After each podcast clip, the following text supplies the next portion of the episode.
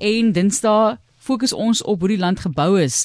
Ons gas is Dawie Botha, hy's 'n siviele ingenieur en hy was onder andere vir 19 jaar die uitvoerende direkteur van die SA Instituut vir Siviele Ingenieurswese en tans mede-voorsitter van Proset en dit is deel die onderafdeling liewer dan van die Nasionale Wetenskap en Tegnologie Forum. Ons praat oor die tonnel onder deur die Durban hawe en ons gesels ook oor die langste spoorwegtonnel in Afrika.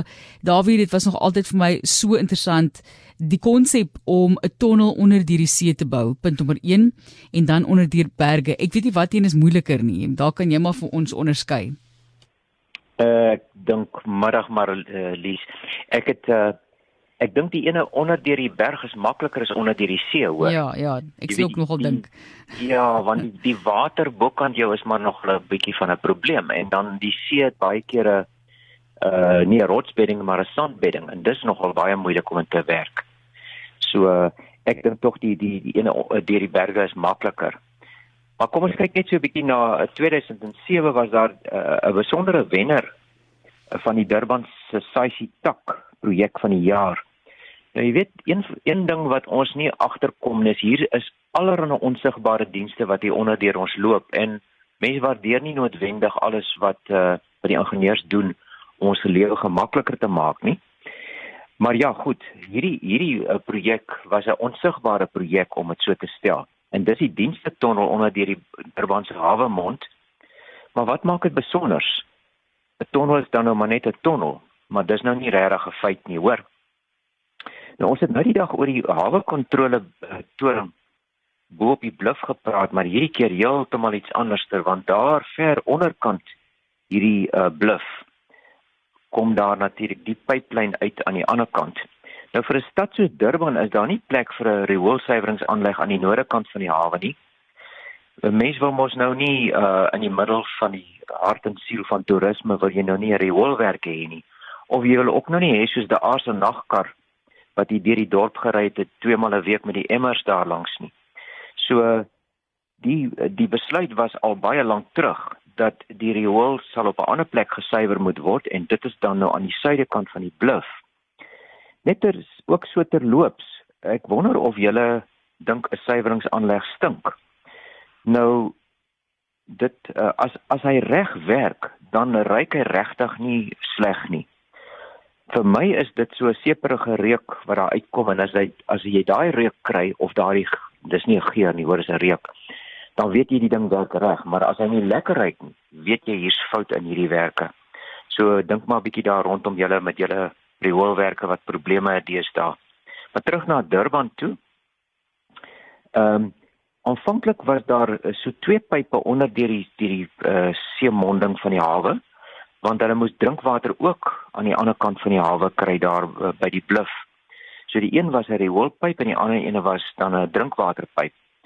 Maar soos met baie infrastruktuur het hierdie pype te klein geword en toe is die hawe mond ook nog te nou en te vlak om met veiligheid die nuwe groot skepe te kan hanteer nou van hierdie nuwe skepe daardie tyd het so 'n diepgang van 12 meter gehad. So die aanvanklike diepte van van die hawe mond was heelwat minder as dit. Toe besluit hulle om twee vlee met een klap te slaan. Dieper pyplyn of twee en dan langer en dieper sodat die hawemond breër en dieper gemaak kan word. En dis nou waar die ingenieurs toe begin dink het. Die een mees elegante oplossing sou dus wees om 'n groot tonnel te bou sodat 'n hele klomp dienste dieselfde ruimte kan benut en wat ook toekomstige uitbreiding aan die pype en dienste kan hanteer. Nou ek onthou toe ons daar was, ek dink amper daar gaan nou ook kragkabels weer daar dieselfde tonnel. So dis werklik 'n multifunksionele tonnel. Nou jare nadat hierdie tonnel gebou is, het ons SAICI president van 2002, Truman Goba in sy presidentsrede gesê: "Sy filosofie is dat hy so stil stil beheer neem van sy sake. Hy is werklik 'n baie kalm en beredeneerde ingenieur en so sy firma dan ook bygedra tot die oplossing van hierdie groot uitdaging. En hulle het ook hande gevat met 'n baie groot internasionale firma genaamd Matt McDonald Nou om die tonnel van 500 meter lank en so wat 5 meter in deursnee te bou, moes hulle in die eerste plek 'n groot tonnelboor kry. want daardie tipe van ding grawe jy nie sommer maklik met die hand uit nie. En onthou nou dis nou onder die see in daardie sandbeddings. Maar hoe kry jy so 'n groot masjien? Want die goed is maar skaars.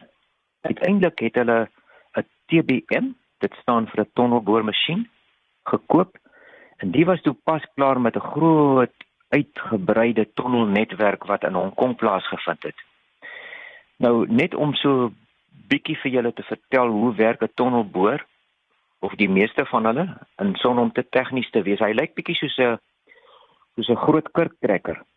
En soos hy vorentoe werk en soos hy maal, gebruik hulle 'n slurry mengsel en ek weet nie wat die Afrikaans vir slurry is nie, ingespuit. En dit is so 'n sementerige mengsel en dit meng met die modder en die sand en so word die papery dan na agtertoe gewerk. En dan word daar op 'n baie slim manier op spoor spoorstawe word vooraf vervaardigde betonpanele wat op land gemaak is in 'n in 'n boogvorm word ingebring en dit word teen die wande van die tonnel gedruk en dan aan mekaar gelas en waterdig gemaak. Nou hierdie TBM het so 12 meter per dag vorentoe beweeg. Nou dink 'n bietjie hoe lank dit gevat vir die 500 meter. En elke dag het hulle so 10 betonringe geplaas. Nou daardie tyd het hierdie projek so 210 miljoen gekos. Vandag sal dit seker 1000 miljoen uh, rand wees in ons pryse van vandag. En so ek sê ek was bevoorreg om tydens konstruksie daar te kon besoek en wat 'n voorreg om hier droog onder die hawe mond te kon deurstap. Maar jy dink liewer nie aan wat bokant jou kop aangaan nie. En dis daardie projek wat toe in 2007 die prys gewen het. En nou sê julle seker wonder wat is die prys? Nou die prys is maar net 'n gedenkplaat En as 'n mens daar in Durban rondstap, sien jy 'n hele paar van die gedenkplate soos byvoorbeeld by uh Umhlanga daardie uh die hawe uh, of nie die die pier wat daar uitloop in die see uit wat met lyk soos uh met walvis uh, walvis uh, skelet uh versier is. Maar ja nog iets anderster KZN is 'n spoorwegingenieur se nagmerrie. En dink maar aan die vallei van 1000 heuwels daar naby Durban. Nou in die verlede het hulle natuurlik om die heuwels ge, gegaan met die spoorlyne en dan op en af deur die valleie, maar dit is nie baie geskikte oplossing vir vir spoorlyne nie. So die oplossing soos ons in die verlede ook gesien het is met die Broodseiers plaas steenkoolyn. Jy grawe tonnels deur die berge en die heuwels en dan bou jy brûe oor die valleie en dit maak dit makliker vir 'n spoorlyn.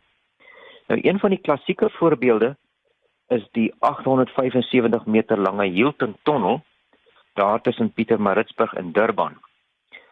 En daardie een is oor 'n tydperk van 2 jaar gebou en dis in 1916 gewees. So vir 44 jaar het dit diens gedoen op die, die hoofspoorlyn.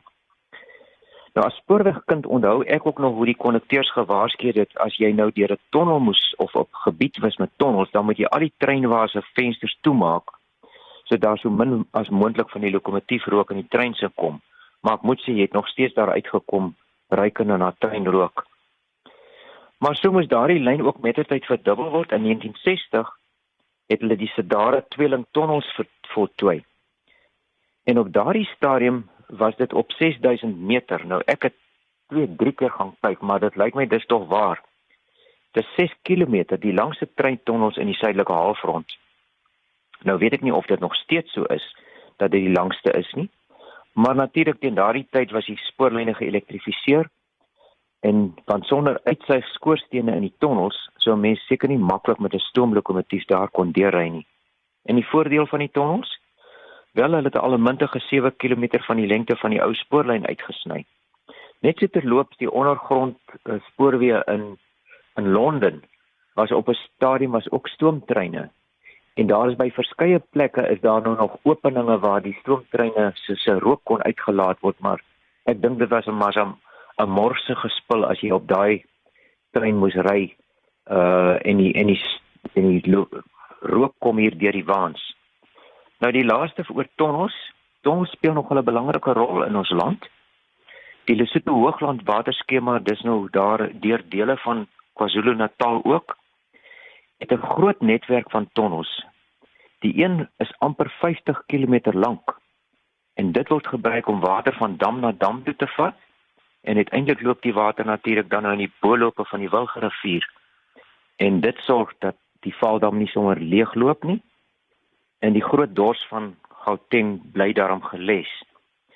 Nou ons het so 'n uh, 'n uh, klompie uh, maande gelede is ook gepraat oor daardie oordragskema. Maar soos in die woorde van Truman Goba, die ingenieurs pak die probleem en los dit dikwels maar so stil stil op, ongesien deur die publiek. Maar so bly hulle in diens van die mensdom. En ek wil graag die saaisie lese vir julle hier vrylik vertaal voorlees. Bou sterk met vasberadenheid en dit is ons ingenieurs in Suid-Afrika. Dis 'n dis 'n geslag van wonderlike mense met wonderlike gawes wat ons land pragtig ontwikkel het en help bou het. Davie, baie dankie vir die inligting, die stories daarmee verweef, jou eie betrokkenheid. So interessant en ek kan nie dink wat 'n geweldige uitdaging dit moet wees om 'n tonnel onder die see of deur 'n berg te bou. Ek wil sê bou, maar dit voel so asof jy hom net grawe. grawe. Maar ja, omtrent.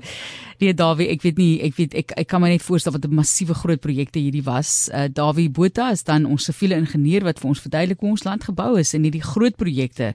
En vandag is ons met 'n tonnel onder deur die Durban Hawe mond en dan ook die langste spoorwegtonnel in Afrika. Baie dankie Dawie. Dankie hoor.